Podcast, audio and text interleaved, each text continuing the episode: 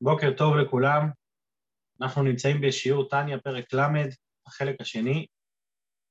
השיעור היום מוקדש לרפואת עמוס בן ג'וליה, שיהיה לו רפואה שלמה, בעזרת השם, בקרוב ממש.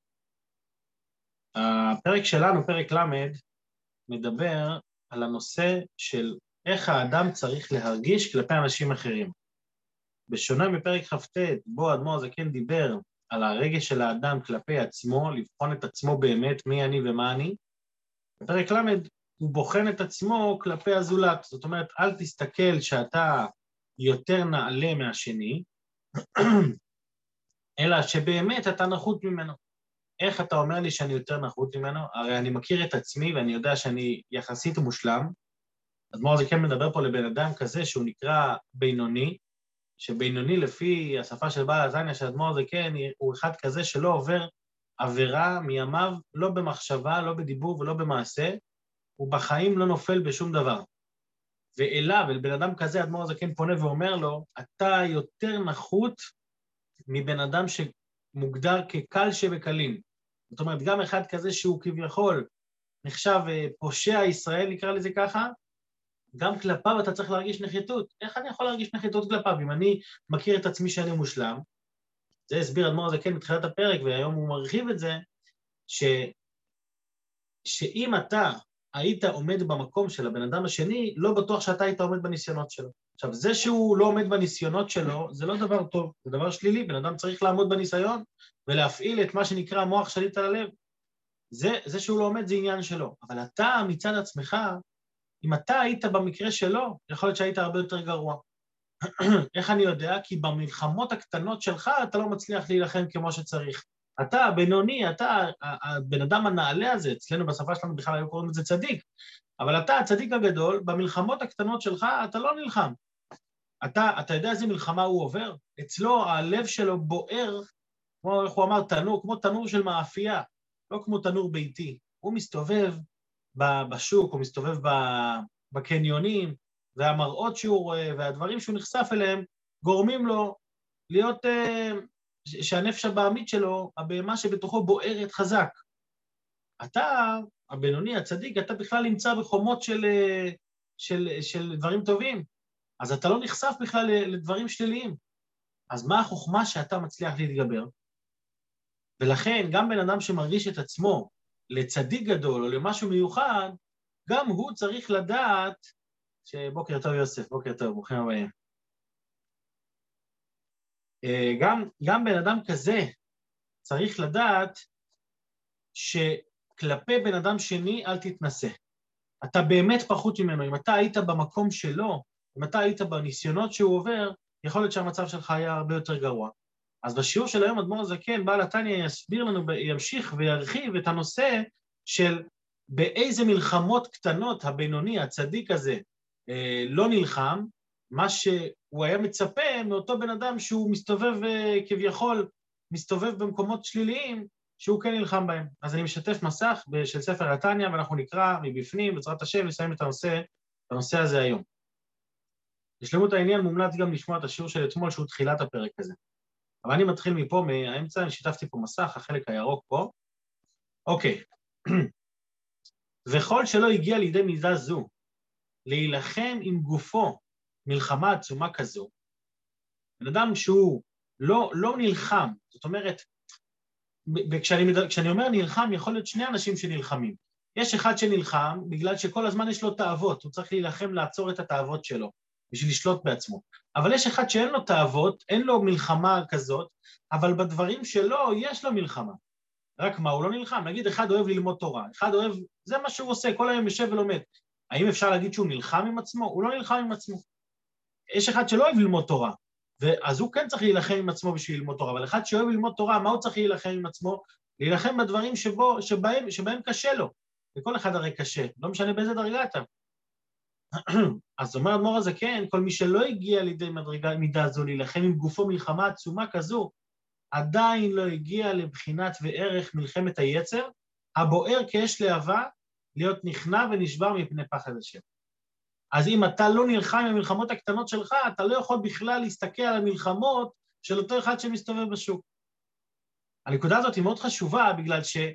שתמיד אנחנו משווים את ה... איך אנחנו עושים השוואות בין אנשים, לפי התכלס, הוא מתנהג יותר טוב, הוא מתנהג פחות טוב. אדמו"ר זה כן מלמד אותנו בכלל בספר התניא, שאנחנו לא מסתכלים על ה-V שבן אדם מסמן על החיים. זה, זה עושה יותר מצוות, זה עושה פחות מצוות, זה לא המדד. נכון שמי שעושה יותר מצוות הוא יותר נעלה, אבל לא זה המדד אם אתה עובד את השם או לא. המדד הוא כמה אני נלחם עם עצמי, כמה אני מצליח להתגבר עוד דבר קטן ועוד דבר קטן, שם המדד נמצא. אז עכשיו האדמו"ר הזה כן מביא כמה דוגמאות של דברים שגם הבן אדם הצדיק הזה, הבינוני, שגם הוא יש לו מלחמות בהם, וגם הוא צריך להילחם. ואם הוא לא נלחם שם, אז הוא יותר גרוע, באמת הוא יותר גרוע, מאותו אחד שהמלחמות הגדולות שלו זה מלחמות של תאוות אמיתיות. אז בואו נראה את המלחמות הקטנות של הבינוני, בואו נמשיך לקרוא פה בפנים. וכן בעניין ברכת המזון וכל ברכות הנהנים, והמצוות בכוונה. זאת אומרת, יש דברים, ברכת המזון, בן אדם צריך לברך אחרי האכילה, או ברכות הנהנים, ברכות שהוא מברך על מאכלים או על דברים כאלה, ומצוות שהוא עושה מצווה, אז לכל מצווה יש את הכוונה שלה. עכשיו, בכוונה של המצוות יש גם כמה, כמה סוגים של מצוות, אומר אדמו"ר הזקן, ואין צריך לומר כוונת המצוות לשמן, אלא עצם, ה, עצם הכוונה של, הכללית של המצווה. לא כל מצווה פרטית הכוונה שלה, אלא עצם הכוונה הכללית לקיים את המצווה לשם שמיים, זה דברים שבן אדם, יכול להיות שהוא עושה אותם ומעביר אותם בלי לשים לב. ברכת המזון הוא ממלמל, ברוך אתה אשר אומר, אזן את העולם, כולו בטובו, אתה מזמזם לך את זה. או ברכות הנהנים, ברוך אתה אשר שהכל נהיה בדברו. אתה מריץ את הברכה ככה, אתה לא מתבונן בזה. אומר האדמו"ר הזה, כן, אם שם אתה לא נלחם, הוא מדבר לבינוני הזה, הצדיק, אם שם אתה לא נלחם, אז, אז, אז, אז אתה פחות מאותו אחד שנלחם, שהוא צריך להילחם במראות אסורות, הוא צריך להילחם בתאוות שעולות לו. אז זו דוגמה אחת, דוגמה של ברכת המזון, ברכות הנהנים. וכן בעניין, הוא מביא עוד דוגמה, וכן בעניין עסק בלימוד התורה. ללמוד הרבה יותר מחפצו ורצונו לפי טבעו ורגילותו. כמו שאמרנו קודם, אחד אוהב ללמוד, זה, זה התחביב שלו. האם אתה באמת נלחם עם עצמך בשביל ללמוד? אתה לא נלחם עם עצמך כלום. מה המדד אם אתה נלחם ואתה לומד יותר מהטבע שלך, יותר מהרגילות שלך, גם כשקשה לך, ובשביל זה צריך מלחמה. לכן הוא ממשיך פה ואומר, על ידי מלחמה עצומה עם גופו. כי הלומד מעט יותר מטבעו, הרי זה מלחמה קטנה. מה זה מעט יותר? קצת. אתה רגיל ללמוד חמש שעות, אתה לומד חמש, חמש וחצי שעות. זה קצת, זה לא מלחמה עצומה. זה מלחמה בקטנה. ואין לה ערך ודמיון היא מלחמת היצר הבוער כאש. זה מקרה רשע גמור, אם אינו מנצח יצרו להיות נכנע ונש... ונשבע לפני השם. זאת אומרת, כשאני מדבר על מלחמת היצר הבוערת, הקלאסית, שבן אדם שיש לו יצרים ויש לו מלחמות ממש פנימיות שמושכות אותו לעשות דברים רעים, אז הוא נופל בזה. למה הוא נופל בזה? כי המלחמה היא קשה, היא כמו אש. אז כשהוא נופל בזה הוא נקרא רשע גמור. באמת, בן אדם שנופל הוא נקרא רשע. וכמו שאמרנו אתמול, זה לא תירוץ לרשעים. זה, זה עבודה פנימית של מי שמרגיש את עצמו צדיק. מי שרשע צריך לעבוד על עצמו, זה כל אחד עם העבודה הפרטית שלו. אבל אני בעצמי לא יכול להסתכל על בן אדם אחר ולהגיד, אה, הוא רשע, הוא לא בסדר. לא, אם אתה מסתכל עליו, אתה, אתה אמור להרגיש הבעייתי. למה? כי הוא נופל בתאוות של מלחמות של אש כזאת חזקה. ואתה, שאין לך אש כזאת חזקה, מה בסך הכל מבקשים ממך? בוא נאדמו"ר הזה כן לצדיק. מה מבקשים ממך? מבקשים ממך ללמוד יותר, להתייגע על הלימוד שלך, ואתה לא עושה את זה. אז אתה חמור ממנו יותר. אגב, אפשר להבין מהפרק הזה, שאם ככה האדמו"ר הזה כן מדבר למי שהוא מוגדר כבינוני, כצדיק, בשפה שלנו, היומיומית, אז על אחת כמה וכמה, כשאנחנו מדברים על אנשים רגילים, כשאני מסתכל על בן אדם אחר ואני אומר, וואה, אני הרבה יותר טוב ממנו, הנה אני הלכתי לבית הכנסת, הנה אני התפללתי, והוא בכלל, אני יודע איפה הוא נמצא, אני מסתכל על עצמי ואני רואה את עצמי מלמעלה כלפי אותו בן אדם. אז אם, אם הדמור הזה כן יורד ככה על אותו אחד, הצדיק הזה שנקרא בינוני, אז מה אנחנו נגיד, אנשים רגילים? לפעמים, זה שוב כמו שאמרנו גם אתמול, לפעמים אנחנו כאילו עושים משחק כזה. באמת אני יותר טוב מהשני. רק מה, בגלל שאני בן אדם כל כך טוב, אני לא אסתלבט עליו. כי אני, כי אני בסדר, כי אני... הדבר הזה כן מלמד אותנו של, שזה לא רק בגלל שאתה לא רוצה להסתלבט עליו, אלא כי באמת אתה יותר נחות. כי במלחמות שלך אתה לא נלחם. מה אתה בכלל מדבר על המלחמות של בן אדם אחר? לך יש מלחמה שאתה אתה אוהב ללמוד, מה, מה זה עוזר לי שאתה אוהב ללמוד? יכול להיות שטכנית אתה תצא צדיק גמור. במשפט שיעשו לך בסוף, אתה צדיק. אבל מי מחפש טכני? האדמו"ר הזה כן מחפש את המהות, את הפנימיות. מחפשים מי אתה באמת. ואם אתה אוהב ללמוד ועושה את זה כי זה כיף לך, אז לא נלחמת. לא נלחמת, אז במידה מסוימת אתה בדיוק כמו אותו רשע גמור, ויותר גרוע. ולכן, זה, ולכן כתוב במשנה, הווה שפל רוח בפני כל אדם. באמת תהיה שפל רוח, כי אתה באמת יותר גרוע ממנו. ולכן האדמו"ר הזה כן ממשיך פה, הוא, הוא כאילו מחריף פה את הבעיה אצל אותו אחד, אצל הבינוני הזה. ומה לבחינת צור מרע? כי הוא יגיד, שמע, מה אתה רוצה? הוא נופל בעבירות, אני בסך הכל לא קיימתי מצווה יותר טוב, לא כיוונתי בכוונה יותר, לא, לא למדתי יותר חזק. מה אתה רוצה ממני? הוא, הוא באמת עבר את העבירות. זה כן אומר, מה, מה זה משנה? מה לבחינת צור מרע ומה לבחינת ועשה טוב? הכל היא מצוות המלך הקדוש, יחיד ומיוחד ברוך הוא. אותו אלוקים שציווה להילחם עם תאוות חמורות, אותו אלוקים מצווה אותך להילחם עכשיו, ואתה לא נלחם. אז אתה אותו דבר, אתה יותר גרוע. וכן בשאר מצוות, ובפרט בדבר שבממון, כמו עבודת הצדקה וחיי גבנה. זאת אומרת, מקודם הוא הביא דוגמה של, של תפילה. תפילה זה, יש כתוב, שלושה דברים העולם עומד, על תורה, על העבודה ועל גמילות חסדים. אז הוא הביא דוגמה מלימוד תורה, שצריך להתייגע יותר, זה תורה. הוא הביא דוגמה בהתחלה מתפילה, שבן אדם צריך להתפלל ביגיעת נפש ויגיעת בשר, זה אה, עבודה. עכשיו הוא מדבר על העמוד השלישי שעליו העולם עומד, שזה מצוות הצדקה. מה זה צדקה? צדקה היא כללות כל המצוות, היא מבטאת את זה שבן אדם מוציא מעצמו אה, בשביל הזולת. זאת אומרת, הוא, הוא הכסף זה, איך אומרים, על שלושה דברים העולם עומד, על כסף, מאני וגלט, כן, כידוע. כסף זה דבר שבן אדם בשביל להשיג אותו, הוא, הנשמה צריכה, הנשמה יוצאת בשביל להשיג את זה. וכשאתה נותן מהכסף שלך לבן אדם אחר ואתה עושה צדקה, אז אתה בעצם, אז אתה בעצם מעלה את כל, ה, את כל הנשמה שלך, לכן זה כללות המצוות, מצוות הצדקה. ו, וכשבן אדם נותן צדקה, גם פה יכול להיות אה, שני אופנים. שני אופנים. אופן אחד זה בן אדם שנותן כי הוא מרגיש כי כיף לו. בוא נגיד ככה, אחד שיש לו, סתם, יושב על מיליונים, הוא נותן עכשיו אה, כמה אלפי שקלים לצדקה. אז הוא לא מרגיש את זה בכלל בעובר ושב, זה לא, זה לא נוגע בו. אז האם אפשר להגיד שהוא התאמץ? אז עכשיו, אתה לא, יכול, אתה לא יכול להגיד שהוא לא עשה מצווה. הוא עשה מצווה, הוא נתן צדקה. הרי לעומת בן אדם אחר שנתן רק את העשר שקל שלו, אז הוא נתן הרבה יותר. הוא יכול להחזיק, אה, אני יודע מה, ישיבה שלמה, בית חב"ד שלם הוא יכול להחזיק. אבל האם התאמצת? כאן אתה צריך לשאול את עצמך. התאמצת בשביל לתת את הצדקה הזאת? התאמצת כדי... הרי זה, כללות כל המצוות. זה, זה דבר ש... קודם דיברנו על תורה, על, על לימוד, על זה, אבל גם בעשייה.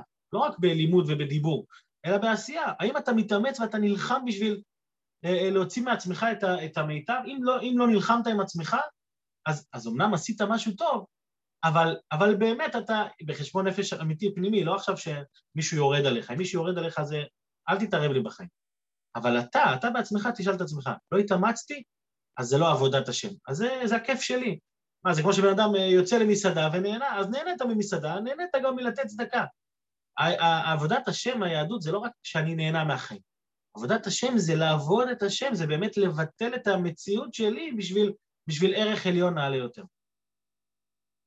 ממשיך אדמו"ר הזה, כן, ואומר, ואפילו בבחינת, אני ממשיך לקרוא בפנים, ואפילו בבחינת סור מרע, אפילו כשאני מדבר על מה? על סור מרע. קודם אמרנו שזה גם בעשה טוב, אבל אפילו מבחינת סור מרע, יכול כל איש משכיל למצוא בנפשו שאינו שר לגמרי מהרע בכל, מקום, בכל מכל כל, במקום שצריך למלחמה עצומה כערך הנ"ל, הנזכר לאל. ואפילו פחות מערך הנזכר לאל, של אותו אחד שמסתובב ברחוב. כגון הוא מביא דוגמאות של דברים, למה האדמו"ר הזה כן מביא את הדוגמאות האלה שעכשיו אנחנו נגיד? הוא מביא דוגמאות של דברים שהם לא עבירות, שהם דברים שלא דנים את האדם עליהם.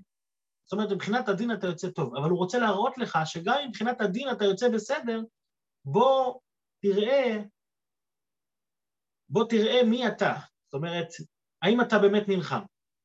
אז הוא מביא פה כמה דוגמאות לזה, כגון להפסיק באמצע שיחה נאה, או סיפור בגנות חברו. שיחה נאה זה לא איסור, מותר לבן אדם לדבר, זה לא, לא מדובר על דברים בטלים, מדובר על בן אדם שעכשיו צריך להתעסק ב... ב הוא מדבר, מדבר דברי חולין שהם בסדר, לא דברי איסור. אבל הוא לא מפסיק. הוא לא מפסיק מזה בשביל, בשביל לקיים איזושהי מצווה. אז זה לא איסור, אבל שמע, לא נלחמת. או סיפור בגנות חברו, ואפילו גנאי קטן וקל, וקל מאוד. אף שהוא אמת. ואפילו כדי לנקות את עצמו, זאת אומרת, אנחנו רואים, מה זה סיפור בגנות חברו? הרי לשון הרע זה איסור, למה אתה מביא לי את זה כדוגמה? לא, כי סיפור בגנות חברו, מדובר פה על אחד כזה שבסך הכל צריך להצדיק את עצמו, אני לא מנסה להוציא את השני רע, אני מצדיק את עצמי. ואני מביא פה איזשהו גנאי, זה חלק מסיפור האמת, זה לא עכשיו uh, ש... שבאתי לרחל עליו ולדבר לשון הרע, אם זה עבירה, זה עבירה, אז, זה לא בינוני, זה כבר, כבר רשע, הוא לא בינוני. אלא הוא מביא פה דוגמה של בן אדם שמספר תוך כדי שיחה על משהו, גנאי קטן וקל מאוד, ושזה אמת, לא באתי לשקר, ועשיתי את כל זה כדי לנקות את עצמו. ואז הוא מביא דוגמה. כאן הודעה מהא דאמר רבי שמעון לאביו רבנו הקדוש, לאו ענה כתבה אלא יהודה חייתא כתבה, ואמר לו, תלך מלשון, מלשון הרע. זאת אומרת, שמה, מה הסיפור שם? היה סיפור בגמרא, שהיה פעם איזשהו, אה, איזה שטר שכתבו, שטר, אה, שהיה אחראי עליו, הבן של רבי שמעון, אה, הבן, הבן של רבי יהודה הנשיא, היה אחראי על איזשהו גט, והגט הזה נכתב בצורה לא טובה. אז רבי יהודה אומר לו, איך יכול להיות שאתה כתבת כזה, כאילו עשה לו פרצוף כזה, איך יכול להיות שכתבת כזה מסמך לא טוב, כתבת את זה בצורה לא נכונה? אז הוא הצטדק, הוא אמר לו, זה לא אני כתבתי, זה יהודה, יהודה חייטה כתב את זה, זה הכינוי שלו. יהודה חייטה כתב את זה. אז למה הוא, הביא, למה הוא אמר את השם שלו? לא בשביל להגיד עליו לשון הרע, בסך הכל בשביל להגיד למה אני, למה אני לא עשיתי טוב. ואנחנו רואים שהיה פה בעצם, דבר ראשון היה פה גנאי קטן מאוד בסיפור הזה. זה לא, לא היה גנאי, בסך הכל הוא כתב לא הכי מדויק, אבל זה לא היה פסול. זה היה גט לא מהודר מדי. דבר שני, הוא אמר אמת. דבר שלישי, הוא בסך הכל ניסה לנקות את עצמו, ודבר רביעי, הוא רצה להפיג את הצער של אבא שלו מה... ממה שהוא... מזה שה... שהבן שלו לא עשה טוב את ה... לא כתב טוב את השטר. ואחרי כל הסיבות האלה, מה אמר לו רבנו הקדוש? כלך מלשון הרע. תתרחק מלשון הרע. למה? אבל הוא לא עשה פה שום דבר רע. התשובה היא שגם כשזה, כש, כשזה, כשזה כל כך רחוק, מאנשים נעלים יותר, דורשים יותר. וזה שאתה, אתה הבן של רבי יהודה הנשיא, שהיה ראש הסנהדרין, ואתה היית אמור לכתוב בצורה הכי מושלמת, אז, ולא רק לכתוב, אתה היית אמור לדבר בצורה הכי מושלמת, ממך דורשים יותר. אז כשבן אדם בא ומסתכל, משווה את עצמו לעומת בן אדם אחר, אז אומרים לו, הלו, ממך דורשים יותר, בדברים שלך אתה לא מצליח להילחם, אז מה אתה רוצה ממנו? היינו שם בגמרא, יש פרק י' מסכת בבא בתרא. בחיי גבנה, אני ממשיך פה לקרוא בפנים, מתקרבים לסוף. בחיי גבנה, כמה מילי דשכיחי טובה, כל מיני, כמה דוגמאות שמצויים הרבה, שאנחנו רואים שאנשים מתמודדים ביום-יום ולא נלחמים. אז אם אתה לא נלחם, אל תשפוט בן אדם אחר. למה? כי אתה במלחמות שלך מצליח. ובפרט בעניין לקדש עצמו במותר לו. מה זה לקדש עצמו במותר לו? דברים המותרים, כמו שדיברנו בפרק כ"ט, שלפעמים גם דברים המותרים אני דוחה את עצמי, אני רעב, אני אומר, אני אוכל עוד חצי שעה, כי אני בזמן הזה אלמד. למרות שאני אני, אני מרעיב את עצמי קצת, למה? בשביל עבודת השם. אז זה נקרא להתקדש במה שמותר לו. שהדבר הזה, העניין הזה לקדש במותר לו, זה לא איסור, זה לא עבירה אם לא עשית את זה, אבל זה תוספת קדושה שאתה, שאתה צריך לעשות עם עצמך, שהוא מדאורייתא, שוב, מדברים פה על רמה גבוהה. זה לא רמה שכל אחד יכול לעבוד על זה כל הזמן, אבל כשנבין את זה ברמה הגבוהה, אנחנו נבין את זה גם בעולם הפשוט שלנו. זה, זה היופי. שהוא מדאורייתא. העניין הזה של לקדש את עצמי במותר לי זה מהתורה, כמו שכתוב בתורה, קדושים תהיו בגומר. והתקדישתם, שבן אדם צריך להיות קדוש, צריך להתקדש ולקדש את עצמו במה? בדברים המותרים שלו.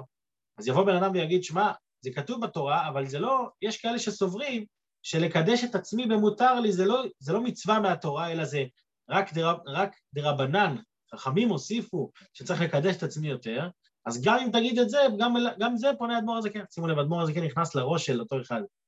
מנסה כל הזמן לתרץ את עצמו, לתרץ את עצמו, תפסיק לתרץ את עצמך. תעשה מה שצריך, תילחם אתה. ביותר, יותר מדויק, תפסיק להסתכל על אנשים אחרים. אל, ת, אל תגיד מה הוא עושה. תהיה אתה אמיתי עם עצמך עד הסוף, ברמה הכי הכי, תרד לפרטים פרטי פרטים. אז כל אחד עם החשבון נפש שלו, שוב. אבל, אבל להסתכל פנימה. לא לנסות למצוא את הפגמים אצל השני. היה אחד, היה היה אה, סיפור על חסיד אחד, קראו לו הרב יחזקאל, פייגן.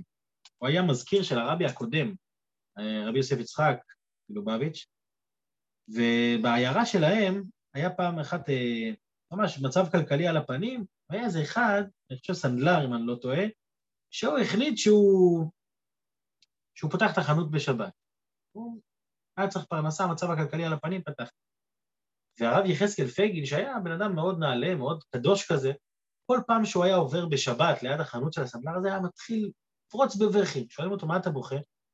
אומר, אני בוכה על זה שאני הרבה יותר גרוע ממנו. אומרים לו, איך אתה הרבה יותר גרוע ממנו? הוא פותח את החנות בשבת, הוא מחלל לשבת, ואתה מה? אז הוא אומר להם, מה זאת אומרת? אני מחלל שבת הרבה יותר גרוע ממנו. הרי אני מבין את המעלה של השבת. אני יודע בדיוק מה הגודל והיוקרה של שבת, ואני בכל זאת לא מנצל אותה עד הסוף. הוא, הוא לא יודע מה המעלה של השבת. יכול להיות שהוא לא למד עדיין, בסדר, כאילו, אז זה שהוא אה, נופל, כי יש לו את היצר הרע שלו. אבל אני עם היצר הרע שלי על השבת נלחמתי ככה? מה פתאום? אני, מחלל שבת הרבה יותר גרוע ממנו, ולכן אני בוכה. זה, זה, זה מה שנקרא להפנות את החיצים אליי. לא לחפש את הרע אצל מישהו אחר. יכול להיות שאובייקטיבית יש רע, אף אחד לא אומר שזה טוב. יש, יש רע, אבל לא אני צריך להפנות את החיצים אליו, החיצים צריכים להיות אליי.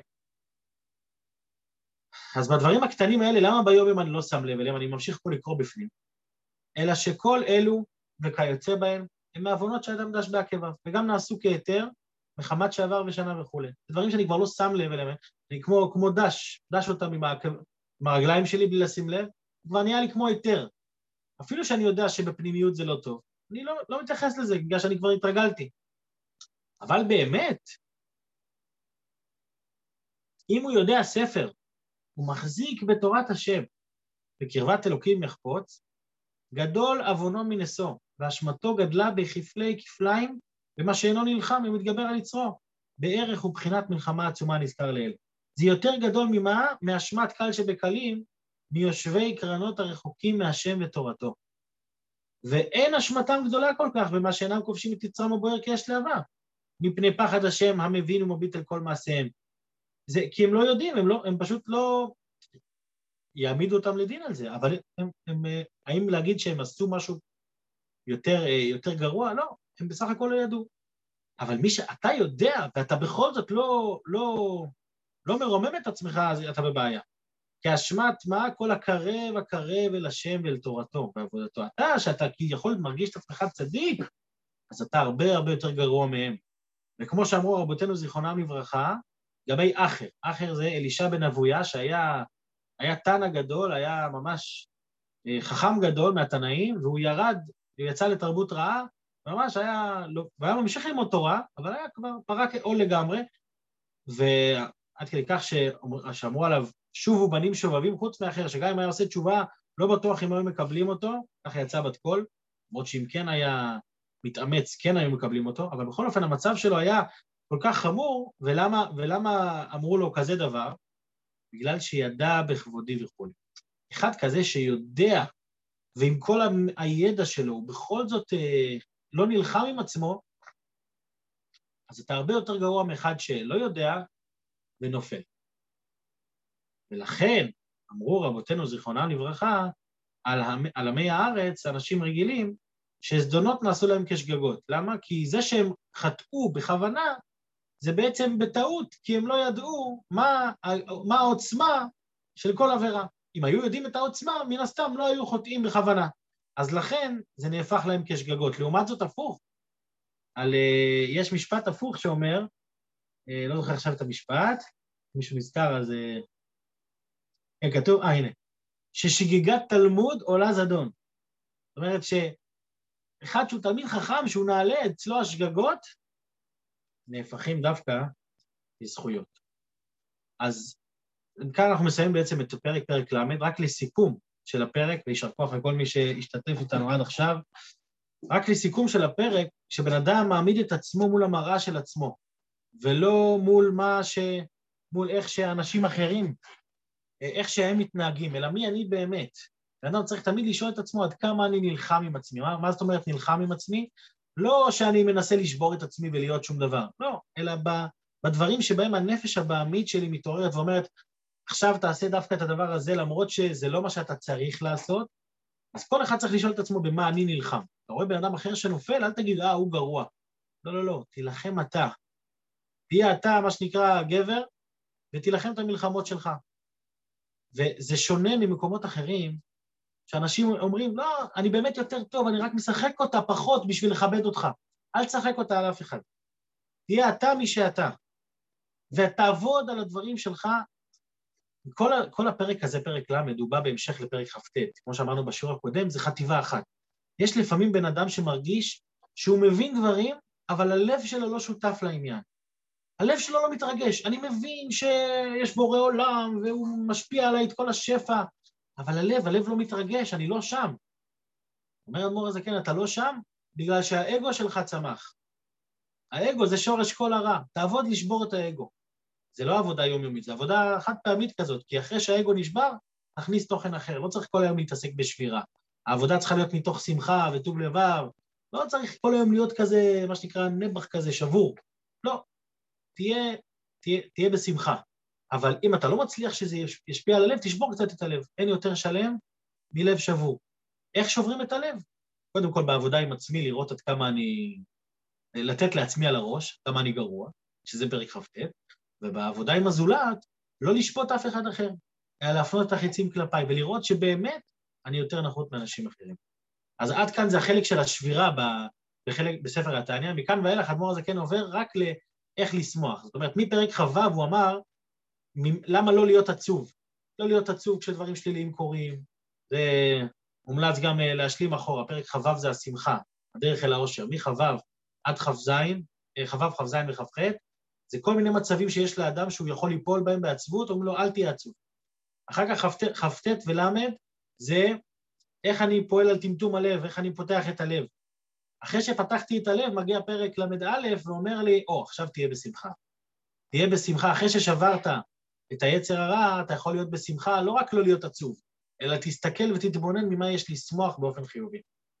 בעזרת השם, נשמעת בפרקים הבאים, שיהיה לכולם בינתיים אה, יום מוצלח, יום טוב, יישר כוח גדול לכל המשתתפים. אני מזכיר שהשיעור הזה גם היה לרפואת עמוס בן ג'וליה, שיהיה רפואה שלמה, מהירה, ומתוך שמחה בעזרת השם. שיהיה בשורות טובות לכולם, יום טוב. יום טוב, יום נעים, יישר כוח.